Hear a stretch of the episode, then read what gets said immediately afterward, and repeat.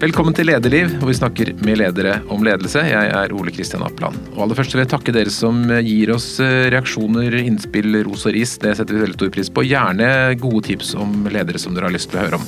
Send eh, hva som helst til meg på oleatapeland.no, så blir det vurdert og tatt videre. Tusen, tusen takk.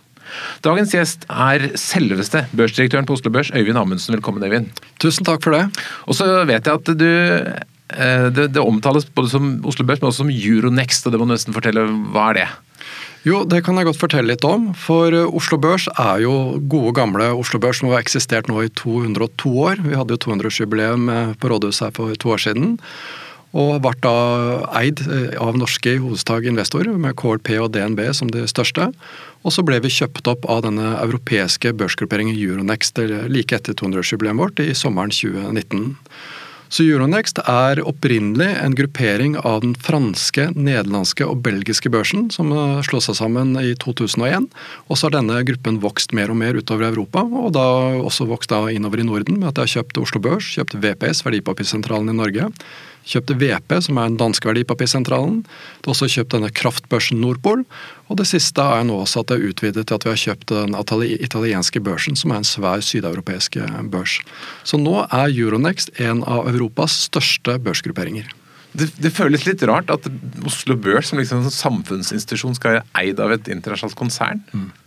Ja, det, det, er riktig, og sånn er det nok mange som har følt over tid. Og vi har nok ikke følt at vi er den type, si, Vi er en samfunnsinstitusjon, men vi er en kommersiell virksomhet også. Og vi har jo hatt uh, ganske betydelig antall eiere også tidligere. Selv om jeg sa, at DNB og KLP var de store, så hadde vi over 800 eiere da vi ble kjøpt opp. Og drevet veldig, veldig kommersielt. Så fra 2001, da ble vi privatisert. Da gikk vi fra å være en statlig stiftelse til å privatisert. Og så deretter så har også konkurransen økt veldig mellom de forskjellige børsene. Og når vi ble kjøpt opp i 2019, så var jo vi den eneste børsen i Nord-Europa som ikke var del av en større børsgruppering. Sånn som resten av de nordiske børsene er jo eid av Nasdaq-gruppen. Og de har jo også forsøkt veldig å få tak i Oslo Børs, men våre tidligere eiere ønsket jo da ikke å selge, selge seg ut, men ønsket å være, bli eiere.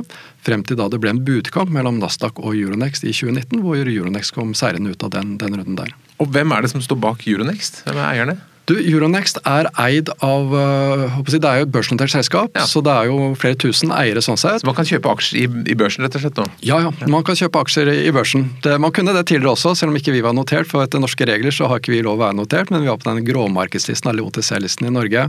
Men vi er nå notert i Paris, da, hele gruppen er notert i Paris. Største eiere er store banker og store pensjonsfond i de forskjellige landene. Og så er det ganske mange store institusjonelle investorer, og også et betydelig antall retail, altså private investorer som eier, eier gruppen. Og du har jobbet der lenge. Du har jobbet der ti år som juridisk direktør, og så ble du børsdirektør i fjor. Ja, jeg jobbet ti år som en kombinert juridisk direktør, og det som kanskje var den største andelen av jobben min, var at jeg også ledet førstehåndsmarkedet, som var da som ansvar for alle selskaper som skal bli børsnotert, er børsnotert og eventuelt avnoteres. Så hadde med siden jeg er tidligere partner i advokatfirma og jurist, så hadde jeg også ledelse for juridisk i tillegg til den biten der. Var det en stor overgang for deg, det, det å liksom være ikke helt på topp, til å bli helt på topp? Ja, det var en overgang, det, det, er det. Men kanskje den største overgangen var at samtidig omtrent som jeg overtok den rollen, så gikk vi også inn i denne Euronext-gruppen. Og det er kanskje den største utfordringen, eller i hvert fall, eller i hvert fall den største endringen da, i, i, organisasjonen. Og den fikk jeg jo da samtidig som jeg overtok lederrollen, så sånn sett så ble det store, stor overgang. For da skulle vi inn da i en stor europeisk matrisemodell, samtidig som vi skulle opprettholde en lokal ledelsesorganisasjon i Norge, som er på krav etter Finanstilsynet og konsesjonskravene våre. Og så har det kommet en pandemi? Det er kommet en pandemi, så alt kom egentlig på, på en gang. For jeg overtok jo da på nyåret i fjor. Og hadde omtrent først eh, fått satt meg i stolen, så kom da, som du sier, eh, pandemien.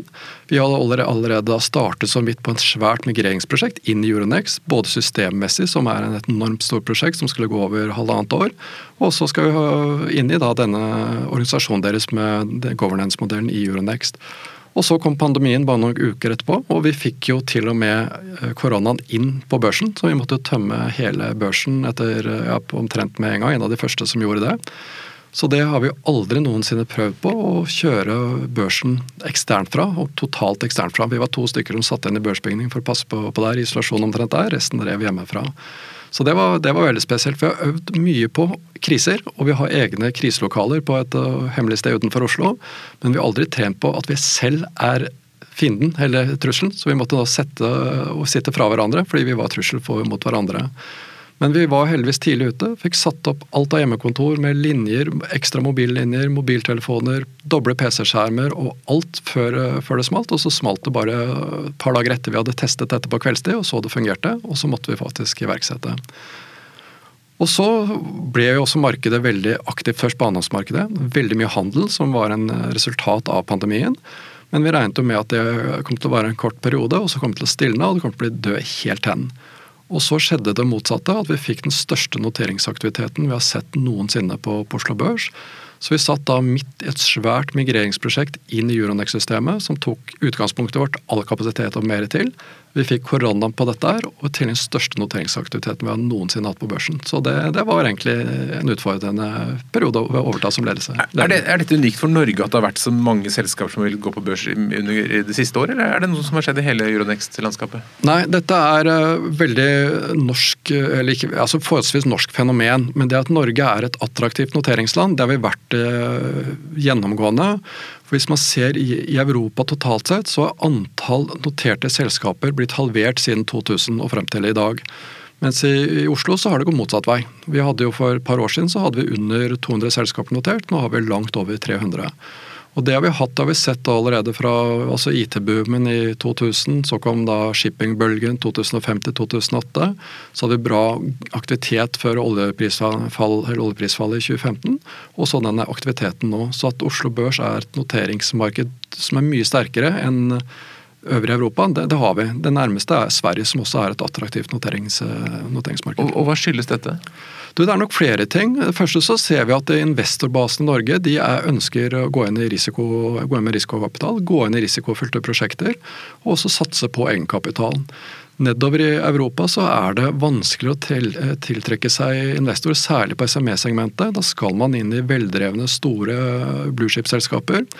Og det er også da ansett kostbart og problematisk å notere seg, så man prøver da å finansiere seg eh, gjennom banklån og andre, andre måter enn å gå på, gå på børs. Mm. Så heldigvis i Norge så har vi et cluster, et samarbeid gjennom hele finansbransjen, fra investorsiden, fra industrien selv, fra rådgiverkorpset, børs og verdipapirsentral, som fungerer veldig godt sammen. Som gjør også at vi ikke bare tiltrekker norske investorer og norske selskaper, men også da investorer og selskaper fra ja, egentlig hele verden innenfor våre sterke sektorer, som er energi, shipping og, og sjømat. Mm.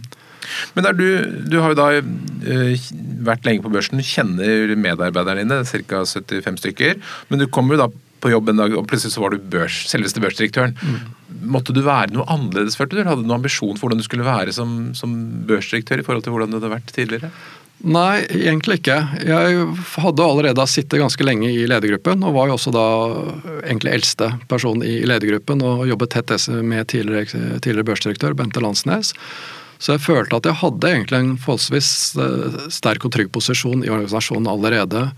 Så tanken min var ikke å endre noe særlig på den måten jeg skulle være på, eller fremstå på sånn sett. Men jeg har nok noe kanskje annerledes lederstil enn da tidligere børsdirektør, som jeg prøvde også å finne min stil og ta det, ta det videre, men bygge på mye av de samme gode, solide verdiene og måten å drive forretningsvirksomhet har på børsen, både før og etter Euronext, og ta, ta det videre. Hva tenker du skal prege din lederstil, da? Altså jeg tenker at Min lederstil skal først og fremst prege at vi skal oppnå de gode resultatene vi er vant til å oppnå. At vi skal ha, være den foretrukne børsen for alle norske selskaper, og utvide dette også til, nordisk. Og så at vi skal være topp tre i verden innenfor shipping, sjømat og energi. Og da skal også innenfor energisegmentet skal vi nå, som vi også har klart å få til, få til skifte fra brunt til grønt, som nå omtales vi nå i media og rundt omkring i Europa, som vi har blitt en cleantech og green hub i Europe. Og Det er også det som føler at skal prege lederstilen min, at de skal få med de ansatte på denne reisen. De skal føle eierskap til dette, ta del av dette og skjønne at det er de som er med og skaper disse verdiene. For vi kan ha aldri så mye fine datasystemer og teknologisystemer, men i bunn og grunn så er det et marked vi skal drive, og da er vi avhengig av kompetanse og mennesker som skal ha gode produkter til, til markedet, så vi kan levere dette her. For det er ingen selvfølge, og det vi snakket om, at Norge er et uh, stort, godt marked globalt for noteringer. Det er noe vi har bygd opp gjennom hardt arbeid og tillit i, i markedet. Og det skal de ansatte både føle og få lov til å være en del av. Det høres ut som det første året kan ha vært et ganske slitsomt år? Det har vært slitsomt, og ikke bare for meg, men vi har hatt en organisasjon som har stått på veldig, og det er ikke tvil om at mange har blitt slitne underveis. Men når resultatene har vært så gode som det har vært, vi har levert da resultat som vi aldri har levert tidligere, til tross for pandemi og migreringsprosjekt, så er det nok mange som syns det er, er, gøy å være med på. Og så er det selvfølgelig noen som har vært der i mange år som syns at det blir for store endringer med nå å gå inn i en stor europeisk børsgruppering, som har funnet ut at de kanskje vil da finne andre veier å, jobbe videre med. Mens de fleste partene syns det er kjempegøy, da, det som, mm. den, det som, skjer nå. Og Når du sier levert resultater, hva, hva måler du det på da? Penger. Penger. Hvordan tjener børsen penger, for å si det enkelt? Uh, nei, Vi tjener penger på først og fremst på noteringsaktiviteten. Det er at De selskapene som blir børsnotert, de betaler en eh, fee for å bli tatt opp til notering, og så betaler en årlig fee. Og når de er tatt opp, så vil de også generere handel gjennom handelssystemet vårt, som da vil også generere en handelsavgift til, til, oss. I tillegg til at vi også selger markedsdata, altså kursfeed, indekser osv., som er tredje største, største inntektskilden til, til, børsen. Og Det har vært et år med veldig mye aktivitet. Mange som er, vil kjøpe aksjer. Det betyr at aktiviteten i markedet også genererer ekstra inntekter i dere? Mm, det, det, gjør det. Så at uh, Høy aktivitet i markedet, det er det som genererer penger til oss. Så vil vi også, når det ikke er høy aktivitet, i og med at vi har jo selskapene fortsatt notert som betaler årsavgift, eh, normalt også gjøre det greit i disse årene. Men eh, normalt høy aktivitet, da tjener vi penger. Og så er det jo sånn at når det er mye volatilitet, mye usikkerhet i markedet, så tjener vi normalt mer på annenhåndsmarkedet, for da er det ikke så mange som ønsker å børsnotere seg. Da vil de sitte litt på gjerdet. Mens når det er mer stabile, tryggere, kanskje stigende markeder, så er det da hovedinntektskildene da, i vesentlig større grad da fra førstehåndsmarkedet, som normalt uansett er den største, største inntektskilden. Hvor mye koster omtrent et selskap? Det kommer helt an på størrelsen på, på selskapet. Men eh, det koster opp til ca. 3 millioner kroner. Litt avhengig av størrelse og om du vil ha det en rask notering eller en eh, mer moderat eh, tidslinje. Og så koster det opp til et par millioner i året å være, være notert. Det som har skjedd det siste året i aksjemarkedet, er at det har kommet mye unge folk inn og mange mennesker som aldri har handlet aksjer før. Hva tenker du om det? Jeg tenker det er veldig bra. Og jeg syns det er veldig hyggelig at det er flere og flere som ser at det er eh, annet enn kun eh, leiligheter, hytte nummer tre på fjellet og sjøen osv. Som, gir, eh, som er gode investeringer. Og så håper vi da at også at det skal bli tilrettelagt enda mer. Nå er det jo kommet ASK-kontoer, aksjesparekontoer osv. At også at rammevilkårene for, for, aksjesparing og aksjeinvesteringer likestilles da med investeringer da i fast eiendom og annet, så at det skal være gunstig investering på den måten. Fordi det er ikke kun spekulative investeringer. altså Aksjemarkedet over tid viser seg, man kan gå 100 år tilbake, 200 år tilbake i tid osv. Det er stigende. Det er økonomisk vekst i ethvert uh, hvert samfunn. Det, det ligger håper jeg, i bunnen. Sånn skal det være og vil være. Og da vil aksjemarkedet over tid uh, normalt også stige. Så vi tror at dette er gode investeringsmuligheter, og veldig hyggelig at privatpersoner får øynene opp for det. Men som jeg sier, at enhver må ta og legge sin egen investeringsstrategi. Det gamle ordtak om at ikke putt alle eggene i samme kurv. Det gjelder til de grader fortsatt.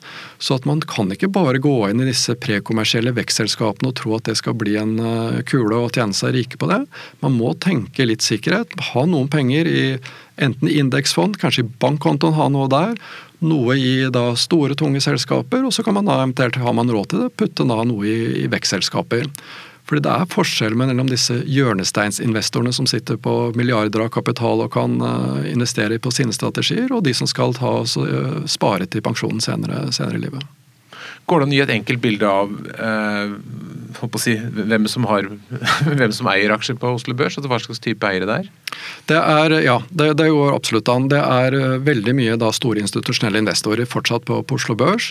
Så er Det sånn at vi er normal, Det er type pensjonsfond og sånn? Pensjonsfond, livselskaper, pensjonsfond mm. og andre institusjonelle som driver da investeringer i stor skala. Men det, det er selvfølgelig Folketrygdfondet er den største, første, største investoren. NBIM har ikke lov å investere på Oslo Børs, for de skal investere globalt. Så er det mm. Folketrygdfondet som investerer i Norge.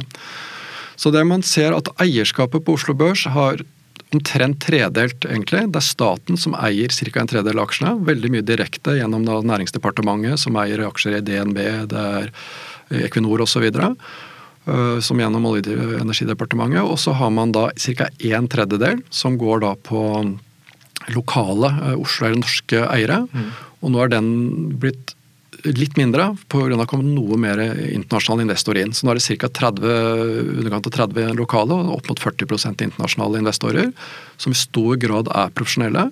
Og så er det man, Hvis man deler opp dette igjen, da, ser på hvor mange privatpersoner som investerer, så til tross for at det er kommet da, hørte jeg nå at det er nesten en halv million nye kontoer i VPS, da, i verdipapirsentral, som er åpnet, som da gir indikasjon på hvor mange som har begynt å investere i aksjer i, i Norge nå siste året, så er likevel private andelen av investorer som investerer i eget navn og personnummer, det er ca. på mellom 4 og 4,5 ja. Så Sånn sett utgjør det en veldig liten del av totalkapitalen på, på Oslo Børs.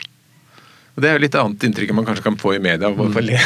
ha inntrykk av at det er Oslo Børs bæres av småinvestorer. Yes. Det er helt riktig, så man får det inntrykket av media, men det er de store, tunge som sier, pensjonskassene og livselskapene og internasjonale investorene som er inne på, på den største eiersiden. Og de, de, vet nok hva de driver med, men har du inntrykk av at den jevne småinvestor er bevisst på hva man holder på med? Jeg tror det er veldig delt. Jeg tror noen er veldig bevisste og følger veldig godt med og gjør gode investeringer. Og så tror jeg det er en del som er litt kjappe og kanskje føler litt råd de fanget opp her og der, enten på sosiale medier eller kamerater eller whatever, og kanskje ikke er fullt så, så bevisste. For det snakkes så mye om det er tilstrekkelig informasjon tilgjengelig for investorene.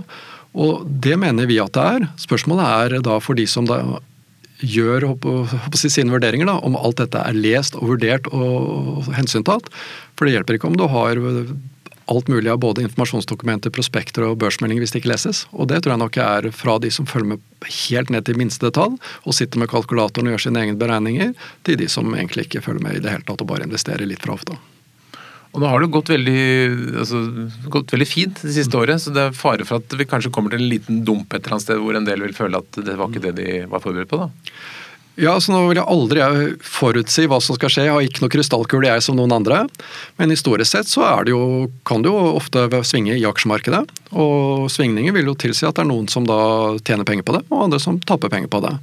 Så det er også selvfølgelig alt man alltid må ha med seg i når man investerer, hvor langsiktig og hvilken profil man har, og at man også kan eventuelt håndtere da en svingninger i, i aksjemarkedet, som er en viktig del av strategien. Men har du og dere noe ansvar for å informere folk om risikoen med å kjøpe aksjer? Vi har ansvar for at de børsnoterte selskapene gjør dette på en ordentlig måte. Så vi følger veldig tett opp de selskapene som både når de blir børsnotert, når de kommer enten med da prospekt som skal godkjennes av Finanstilsynet, eller et informasjonsdokument som godkjennes av oss, og at den løpende informasjonsplikten at den følges opp og håndteres på en god måte. Og Fanger vi opp mistanke om brudd på den, så vil vi da, som vi gjør regelmessig kunne bøtelegge selskapene for brudd for informasjonsplikten, og i verste tilfelle kaste dem ut av børsen, som vi også har, har gjort. Og I tillegg så jobber vi ganske tett med den organisasjonen Aksje Norge, som eh, drives av Kristin Skau, som har som sitt ja, hovedformål, omtrent eneste formål, nettopp å opplyse og, og lære opp og sitte tett på retail-markedet, altså private investorene. Så sørge for at de kjenner til risikoen, kjenner til hvordan de skal investere, og kjenner til egentlig farer og muligheter innen det, det markedet her. Så der har vi både tett samarbeid, og vi er også hovedsponsor til denne organisasjonen, som blir vårt hovedbidrag indirekte til investorsiden. Men ellers er det gjennom selskapene at vi må sørge for at de gir markedet den informasjonen som markedet har krav på, at den kommer ut. Mm. Børsen og børsene betyr jo mer og mer for uh, oss alle i Norge. Både fordi at vi har jo alle pensjonspengene våre både plassert globalt og nasjonalt mye på børsen, og vi har uh, flere handler børsen. Hva tenker du at det har å si for samfunnet totalt sett at, at børsen blir en viktig del, eller børsene blir en viktig del av livet vårt? Jo, altså den, den, har nok vært det i, uansett, man har bare ikke vært så bevisst på det. Og den tror jeg alltid har, eller fremover også kommer til å spille en viktig rolle. Og så har jo børsen også vært en veldig utvikling. Fra at man i mer tradisjonelt i gamle dager møtte opp fysisk på børsen og handlet uh, aksjer og verdipapirer en gang hver 14. dag, til at det nå er datamaskiner som handler ned, ned på mikrosekunder og at det har fått en helt annen rolle. Men at det er behov for en markedsplass hvor man kan møtes og kjøpe og selge verdipapirer, som er jo eierandeler i selskapet, den, den tror jeg kommer til å vedvare over tid. Så ser vi at børsen også blir jo utfordret av andre typer øh, plattformer og selskaper som får konsesjon til å drive også markedsplass for, for verdipapirer. Men det vi ser er at de gode, konservative, gammeldagse børsene, når de fornyer seg, så har de en stor sentral rolle i dette her, og så egentlig danner grunnlaget også for at disse mindre plattformene til å kjøpe og selge aksjer kan eksistere. For de er også avhengig av å ha de tunge børsene rundt seg. Mm. Hva tenker du er den største utfordringen i den jobben du har fått? Den største utfordringen nå tenker jeg er at vi skal drive dette markedet på en god måte videre. Vi har jo levd veldig godt på oljen, i, også på, på, børs og finans gjennom mange, mange, år. Og vi har jo vært en, en av de største oljebørsene i verden. Nå ser vi dette, dette, skiftet, og faren for oss da har jo vært at vi kan miste veldig mye av inntektsgrunnlaget vårt ved at vi, hvis vi hadde mistet mye av eh, oljeselskapene og mye av tankrederiene osv. Så, videre. så vi har jobbet ganske aktivt nå de siste, siste, årene nettopp for å få med oss dette grønne skiftet innen energi. For det er ingen selvfølge i det hele tatt at Oslo Børs også skulle være den største energibørsen når det går til, eh, til grønn teknologi og grønn energi fra fossilt.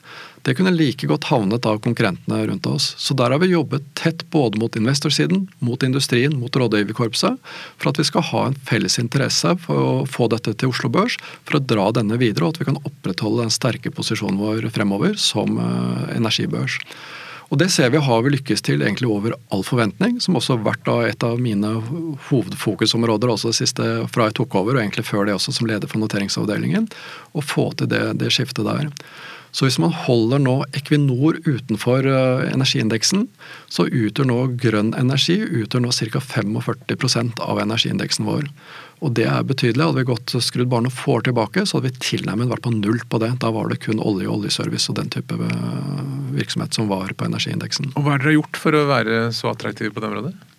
Du, Vi har vært eh, som sagt veldig mye aktiv. Mye, mye samtaler, mye opplysning. Mye hva vi kan tilby av produkter. Vi har kommet opp med grønne obligasjonslister. Vi har sett på muligheter for å synliggjøre våre grønne selskaper. Eh, på, på, produktsiden, og ikke minst også jobbe tett for å få denne for viktigheten for å holde industrien i Norge. For Én ting er at vi tjener penger som børs og kan uh, hyggelig å få børsnoterte selskaper, men de mindre teknologiselskapene som kommer nå, det er jo de som skal danne grunnlaget for fremtidige arbeidsplasser og faktisk bygge Norge og øke BNP-en i Norge. Så vi har vært veldig på, på industrien selv og hatt samtaler med de, hatt samtaler med rådgiverkorpset og, og, og investorene på at de må sette kapitalen i norske selskaper og få dette til Oslo, for Oslo Børs. Det blir børsdirektør, var det det du drømte om da du var liten? Nei, det tror jeg knapt jeg visste hva som fantes på innsiden av uh, børsbygget. Som jeg husker jo da fra jeg var gutt at jeg kjenner igjen det bygget der som sto der, men jeg hadde ikke noe formening om hva det var der. Så jeg var ikke, det var egentlig tilfeldig at jeg kom inn i, inn i børsverden. Jeg var jo opprinnelig utdannet da fra Sjøkrigsskolen, operativ offiser der, var i Sjøforsvaret en del år, før jeg studerte juss deretter. Og da hadde jeg egentlig siktet meg inn på en karriere innen sjørett, i og med at jeg hadde den maritime bakgrunnen. Og så var det egentlig en tilfeldighet at jeg kom inn i børs- og verdipapirrett, fordi da var jeg nyutdannet uh, jurist, og da gikk dette meglerhuset som het Noka Securities som måtte på Aker Brygge, dundrende konkurs med et smell. Og da var det det advokatfirmaet jeg jobbet i som fikk da konkursboet der. Og jeg og en annen fullmektig vi ble satt til å være med da på, på, å gjøre opp dette boet der. Så da jobbet jeg ganske tett inn mot dette boet i, i flere år. Og sammen med da fullmektigen fra borevisor, som da Christian Berg, som nå er konsernfinansdirektør i, i Wilhelmsen. Og kom inn på den banen der. Og da var egentlig jeg sporet mitt skiftet fra sjørett til egentlig verdipapirrett. Og så ble det da den veien videre innen børsfinans. Da var det egentlig bare det, det jeg jobbet med omtrent derfra. Og ideen om å bli leder den må jo ha kommet da før du søkte deg på befalsskolen i hvert fall? da? Ja, altså jeg tenkte på det for å nå ville ha den lederutdannelsen i bunn. Det er helt riktig. Så jeg begynte på det rett etter videregående. Så fikk jo vitnemålet fredag, så var det lørdag var det møte i Horten på befalsskolen der. Ja, det var ikke noe sånn ferieår. Så, nei da. Så, men ja, noen klare tanker om å bli toppleder osv., det hadde jeg egentlig ikke den gang. og det jeg skjønte vel etter hvert når jeg var advokat, at eh, da hadde jeg allerede jobbet som leder i Forsvaret, at jeg syntes det var morsommere å fatte beslutningene enn å være rådgiver til de som skulle fatte beslutningene. Så at jeg da skjønte vel da at jeg egentlig var mer på næringslivssiden og ikke på rådgiversiden jeg ønsket å, å være. Hvordan preger den lederutdanningen og erfaringen fra Forsvaret deg? Du, jeg tror den har vært veldig fin å ha med i bunn. Du får veldig mye ansvar i veldig ung alder. Så jeg var jo allerede etter eh, ett år på befalsskolen så man, hadde jo en ganske høy sånn sett eh, personallederstilling og operativ stilling på et marinefartøy.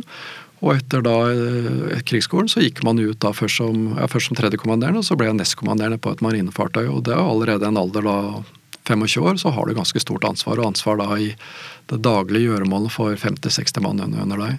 Så det var nok en veldig fin erfaring å få med seg sånn fra, fra starten av. Selv om lederstilen er nok veldig annerledes enn jeg har i dag, enn det jeg hadde da jeg var i, i militæret. Ja, På hvilken måte? Den er rett og slett mindre, jeg tror den er mer inkluderende, håper jeg i hvert fall. Jeg tror det innbiller meg selv, og det, det, tror jeg. At jeg lytter mer på de som er rundt meg. At jeg er veldig opptatt av å ha en god ledergruppe og gode ansatte. Og litt av min filosofi er at jeg skal, som er ledet av noteringsavdelingen og juridisk avdeling, var at jeg utgangspunktet skulle ha den dårligste saksbehandleren, men jeg skulle være den beste til å drive virksomheten fremover og ha de beste beslutningene kommersielt, og hvordan vi skulle tjene, tjene pengene. Og Sånn tenker jeg litt nå, at eh, jeg er et resultat av gode folk rundt meg. Og at det viktigste oppgaven for meg er faktisk å få de gode folkene til å yte sitt beste. For da vil også jeg som toppleder kunne levere de resultatene som skal leveres. Er det noen spesielle hendelser i tiden fra Sjøforsvaret eller senere som har preget deg som leder? Jeg kan ikke komme på noen enkelthendelser sånn sett. Jeg tror det er mer hvordan jeg så jobbet da jevnt og trutt gjennom livet med forskjellige typer type virksomheter. Jeg har vært da som sagt i Forsvaret, jeg har vært på advokatkontor, sittet i et livselskap og, og nå også på børsen i mange år. Så jeg tror nok det er mer en samling av de erfaringene jeg har fått fra forskjellige stillinger og forskjellige jobber underveis, som egentlig kanskje har formet meg mest om den lederen jeg er i dag, og ikke enkelthendelser. Men det når du innledningsvis nevnte at det var litt sånn krisesituasjon i pandemien, det var ikke helt ny for deg, da? Nei, det, det er nok riktig. Så der følte jeg nok kanskje at uh, hvis man da, da følte jeg kunne spole uh, klokka tilbake mange år. For det var en veldig vanlig hverdag om bord på et marinefartøy hvor du trente på kriser, enten om det var brann eller rakettangrep eller torpedoangrep hver eneste dag. Og det er ikke så stor forskjell på en krise i næringslivet som det er i Forsvaret. Enten om man blir eh, trent på at du skal bli skutt av en ubåt, eller om du faktisk har en pandemi, så er det veldig mye av det samme som ligger i grunn, og hvordan man håndterer en vanskelig situasjon som kommer, kommer brått på. Så der føler jeg nok at jeg hadde en verdi av den bakgrunnen i Forsvaret, helt klart. Så er du kan vi si, over middels interessert i sånn fysisk fostring? Triatlonløper? Ja, det er med på sånn eh, Ola Dunke-stadiet, men jeg har eh, vært med på det litt, litt tidligere, helt på mosjonsstadiet. Det, det, det, er riktig. Triatlon på mosjonsstadiet, fins det? det er jo ganske ekstremt. Eh, hva tenker du, Er det noen sammenheng mellom det og, den, og jobben din? Nei, det tror jeg egentlig ikke. Det er mer for at, eh, altså det Sammenhengen er nok at jeg tror det er viktig å holde seg i fysisk form når man skal være leder. For det er hektiske dager, det er lange dager. Og det er eh, stress. Jeg syns det er mye god stress, altså som motiverende stress. Men at jeg tror nok det er lette veldig mye hvis du skal jobbe både 60-70-80 timers uker, som det glatt var i fjor i hvert fall, og være i forholdsvis grei fysisk form. Det tror jeg det gjør hverdagen lettere. Men utover det så tror jeg ikke det er noe spesielt uh, sammenheng i det. Det var en veldig sånn hype for ti år siden at alle skulle gå Birken og ditt og datt, men det synes jeg, da syns jeg nesten ikke det var noe gøy lenger. Da, jeg, da trakk jeg meg litt tilbake. Er det noe du ser på når du ansetter folk? Overhodet ikke. Men tenker du at det er en del av lederansvaret det å holde seg i fysisk form? Det tenker jeg. Så det, det, tenker jeg på. At å uh, holde seg i fysisk form, det, det, tror jeg generelt er, er, viktig for ikke bare ledere, men uh, for alle og enhver. Det er et krevende å håpe det være, altså Arbeidslivet blir mer og mer krevende. Og jeg tror det er enklere for de som holder seg i god fysisk form, enten om det er ledere eller på andre områder. Mm. Nå er det ikke din jobb, Du er ikke aksjeanalytiker, men du sitter jo og følger med på selskaper selvfølgelig som noterer og kommer, og hvem som går opp og ned. Hvor mye tenker du at ledelse betyr for om et selskap lykkes, og verdisetting av et selskap? Det tror nok det betyr mye. Det, det, det gjør jeg. Så, men ledelse er veldig bredt i mitt hode. Det er alt fra personalledelse for å få med teamene til å motivere og levere. Og så er det mer det strategiske, faktisk å ha de riktige produktene, gjøre de riktige tingene og utvikles over tid for at det ikke stopper opp og egentlig går, går feil vei. Og Det er nok eh, etter min mening toppledelsen og ledergruppas viktigste oppgaver. er Å sørge for at man faktisk er i forkant av markedene og kan levere de produktene som må leveres. Og så at det mer på mellomledernivå er veldig viktig å, jobbe med teamene og motivere de og ha de opp og går, og at det som leveres, skal, skal leveres. Men ser du eh, liksom, uvitenskapelig, da, men eh, tenker du når du ser selskaper som kommer med hvor du får et inntrykk av ledelsen at det kommer til å påvirke også hvordan kursen på selskapet kommer til å gå? Det har jeg nok kanskje ikke tenkt noe på i forhold til kursen, eh, men eh, mer kanskje om du har troa på at selskapet vil lykkes eller ikke. Så kan du godt si at ja, det har vel kanskje indirekte også betydning for, for kursen, men det, det, er riktig. Det er jo at, særlig tidligere i den rollen jeg hadde før, hvor jeg møtte alle selskapene som skulle noteres, og møtte da ledelsen og det representanter fra styret. Og da får du et inntrykk noen ganger om dette er et selskap du har virkelig tro på, basert på persongalleriet, eller om du tror at ideen kan være god, men jeg tror ikke dette er et selskap med en ledelse som vil klare å kommersialisere dette på en god måte ta det, ta det videre. Mm. Og da har noen ganger jeg tatt feil, men ofte har, det, har jeg hatt rett i også at det er tydelig å se at du kan se ut fra ledelsen og styret og hvordan det er satt sammen, om selskapet vil klare seg eller ikke.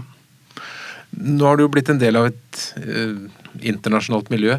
Er norsk ledelse noe annerledes enn det du ser ellers i det store konsernet deres? Veldig. Det er store forskjeller. Så det er også noe vi må jobbe, jobbe mye med, både fra alle bauger og kanter. På, på hvilken måte er det forskjellig?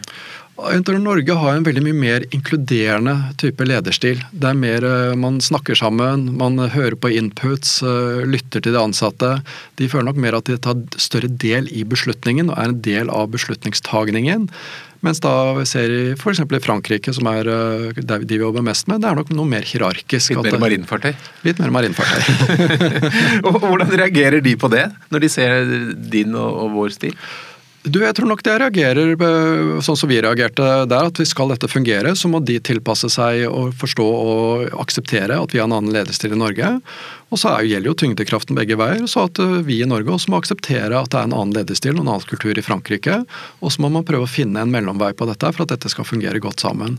Og det har vi jobbet ganske mye med, og ikke bare mot Norge og Frankrike. Nå er Italia en del med, vi har Nederland, Dublin osv. Og, så og prøve å finne en felles kultur som at det er en sånn give and take fra alle bauger og kanter, som er, er, er viktig. For de forskjellige land har forskjellige kulturer, og jeg tror nok den norske lederstilen er nok stor grad veldig forskjellig fra mange andre land. og Det er nok ikke de andre landene som avviker fra Norge. Det er nok Norge som er forskjellig fra ikke bare europeisk lederstil, men også globalt sett, som jeg har sett både fra USA og fra, fra Asia osv. når jeg har vært her. Vi har nok vært eh, nevnt her i lederstudiet før at vi er litt, litt annerledes land på mange måter. Mm. Det er to store ting som alltid omtrent eh, nevnes i, i lederliv. og Det ene er det grønne skiftet, som vi har snakket om, og det andre er digitalisering. Hvordan preger digitalisering Oslo Børs? Det er enormt viktig. Er, vært, men der har vi vært gjennom digitalisering gjennom mange år. Og det kommer bare til å fortsette mer og mer og mer fremover. Som jeg sa, Det er ikke så veldig mange år siden man eh, hadde meglerne stående på, på, gulvet på Oslo Børs og kaste papirlapper og ringe telefonkiosker opp til, til meglerhusene. Fra å være at nå er det ned på mikrosekunder og handles. Og nå går det jo mer og mer, som man snakket om en del år, men som kommer det sikkert til å bli en større og større realitet. Det er dette med blokkjein-teknologi osv. For at dette kommer oppgjør og handel kommer til å gå enda raskere enn i dag. For fortsatt så er jo handles det på mikrosekunder, men å gjøre opp for aksjene gjennom penger og oppgjør på, på backoffice, det tar fortsatt dager med gjennom Norges Banks betalingssystemer osv. Og det skyldes i hovedsak teknologi, og der tror jeg nok teknologien årene fremover kommer til å utvikle seg mye. Og at det også da kan gjøres opp omtrent på, på mikrosekunder, sånn som det gjøres på handelssiden. Hva blir effekten av det? Effekten av det er, eh, det er, egentlig et godt spørsmål hvor totaleffekten blir. Men jeg tror det kommer i hvert fall til å bli mer hensiktsmessig for eh, investorene. Det kommer til å bli billigere og raskere og gjøre det enda mer tilgjengelig å handle både i eh, lokale markedene, men ikke minst utover andre markeder i Europa. Så det vi har sett gjennom ganske mange år, at børsmarkedene blir altså jeg pleier å si at Verden blir mindre og mindre når det gjelder, gjelder, børs, fordi at det blir mer og mer digitalisert på kryss og tvers. Og det tror jeg blokkjein-teknologi og annet kommer til å medføre enda større grad. At du får til slutt kanskje bare ett stort globalt eh, børs- og verdipapirmarked. Mm. Hva betyr det for Vil det være noe negativt for Oslo Børs? Nei, jeg tror ikke det vil være noe negativt. Jeg tror vi ser muligheter her, og ikke minst nå som vi er del av svær internasjonal børsgruppering. Så tror jeg det er vanskelig for Oslo Børs hvis vi hadde blitt værende alene som liten børs i Norden i den teknologi, teknologiske utviklingen. Men som stor del av et internasjonalt eh, svært børskonsern, så tror jeg dette gir oss eh, mange nye gode muligheter fremover. Så vi kan utvikle de produktene våre enda bedre og være enda bedre Eh, produktskaper for markedet. For vi er jo der, selv om vi er kommersielt og skal tjene penger, så ligger jo det at vi, vi jo ikke tjener penger uten at markedet og kundene våre er fornøyde, og at vi kan levere de produktene og de tjenestene de ønsker. Og når vi snakker om digitale ting, så er det noe annet som er eh, jo nesten like mye omtalt som uh, aksjer på børsen, og det er dette pussige fenomenet bitcoin. Mm. Er det noe vi kommer til å se på børsen? Kommer dere til å handle bitcoin på børsen? Du, At det kan komme enten altså at det blir uh, noen uh, Om det blir bitcoin eller annen type kryptovaluta, det, det, skal ikke jeg si. Og om, det, om og når og eventuelt det kommer, det skal jeg heller ikke si. Men at det kommer, det, det tror jeg nok vi i hvert fall kan ikke se bort ifra. fordi vi ser jo at flere og flere av disse tradisjonelle børsene har begynt å handle kryptovaluta i en eller annen form. Enten det er i forbi, enten som ETP-produkter, altså Exchange Added Products, eller om så type fondsprodukter, eller direkte handle det. Foreløpig er jo de største aktørene på direkte handel på krypto er jo egne kryptobørser, som de kaller seg, selv om det ikke formelt er børser. Men at dette er en konkurranse som de tradisjonelle børsene kanskje vil se mer og mer på og vurdere fremover, det, det er tror jeg, opplagt. Så skal ikke se bort fra at gjennom Euronex-systemet, enten på kortere eller lengre sikt, også vil være kryptoprodukter etter hvert. Det ville være rart hvis man lot nye børser få lov å vokse opp uten at man gjør noe med det, kanskje? Nei da. Så det er, det er, selvfølgelig noe vi også sitter og ser på og vurderer. og at vil, Så skal ikke se bort fra at det vil være kryptomuligheter også innenfor Euronex-systemet. Har du lært noe nytt om ledelse i dette siste pandemiåret? Ja, det, det, vil jeg nok egentlig si. Og kanskje det jeg har lært mest, er at det faktisk eh, det går faktisk an å lede en virksomhet og tjene penger i en tilstand eller, som man nesten i forkant hadde trodd var umulig. Og se hvor dugsterk den dugnadsånden nå er. Ikke både i forhold til det samfunnsmessige for å få ned pandemien, men også for å drive virksomheter fremover med å tilpasse seg med hjemmekontor, være på og stå på. Så jeg hører mange, så Kanskje den største utfordringen med hjemmekontor er ikke det at folk jobber for lite, men at det skillet mellom jobb og fritid blir visket ut. Fordi det blir eh, Man sitter fra morgen til kveld, og så er plutselig dagen gått. Så det, det har jeg sett en enorm vilje til å stå på når det trengs. Det føler jeg også som leder har vært uh, veldig motiverende, og egentlig en lærdom å ha med seg, seg videre. Mm. Helt til slutt, Øyvind Amundsen, hvis det kommer en, ung person til deg og vil bli leder, mm. hvilke tre råd vil du gi for å bli en god leder? Jeg tror det viktigste er at man prøver å egentlig bare følge det man syns er uh, spennende, det man har passion for. Men jeg tror ikke at hvis man bare bestemmer seg at jeg skal bli leder, så tror jeg veldig mange sliter uten at du har, uh, gjør noe du syns er gøy. For hvis du finner et område, næringsvirksomhet eller hva som helst som du virkelig trives med, at du gleder deg til å gå på jobb mandag morgen uh, og syns det er gøy og nesten gruer deg til fredag, for å være litt banal, så tror jeg du har veldig mye lagt. For da vil du nødvendigvis ha den drivkraften som å, drive dette videre, og lære virksomheten godt. Og da kommer mye, mye av seg selv, og egentlig følge egentlig den, den biten der. Og så tror jeg det er å være engasjert, og ikke minst du må som leder, i hvert fall mitt råd, ikke være redd for at noen puster deg i nakken. For det er en del inntrykk av at de prøver å holde de både siden av seg og under seg fordi de er redd for konkurransen, men det er de under deg som skal løfte deg frem. Så hvis de er fornøyde, og de får levere, og de føler at de er delaktig av, eh, av verdiskapningen, så vil du også skinne. Så istedenfor å jobbe mot dem, ta bruk de som eh, så, så, mye du kan for å få løfte deg selv fram også som leder. Det tror jeg både deg selv og de under deg vil da tjene godt på. Og Siden du da er børsdirektør, vil du gi et råd også til folk som skal handle aksjer på børsen? Ja, gjerne det. Jeg skal ikke gi noen konkrete aksjeråd, men jeg sier at jeg synes det er, det er veldig gode investeringsmuligheter på børsen. Men igjen, tenk over den strategien når man handler. Det er forskjellen på om du er en eh, milliardær som skal gjøre korte investeringer, om dette er pensjonssparingen. Tenk nøye igjen hvordan man handler, fordel risikoen, og gjerne snakk med proffe folk og investering, enten det er bank eller whatever. Og kanskje ikke stol så mye på ting du bare snapper opp her og der, enten i venneflokken eller på sosiale medier, og vær fornuftig. Fordi man må ha råd til å tape de pengene man investerer. God råd. Tusen takk for at du kom til Lederliv, Øyvind Davidsen. Takk for deg. Lederliv er en podkast fra Apeland. Vi legger ut nye episoder hver fredag, og du kan trykke abonner, så får du et varsel. Redaksjonen består av Ellen Paulsen, Lars Jarle Melum, Lars Bolden og meg, som heter Ole Kristian Apeland. Vi er veldig mottagelige for ros og ris på e-post til meg ole at apeland.no. Takk for at du lytter.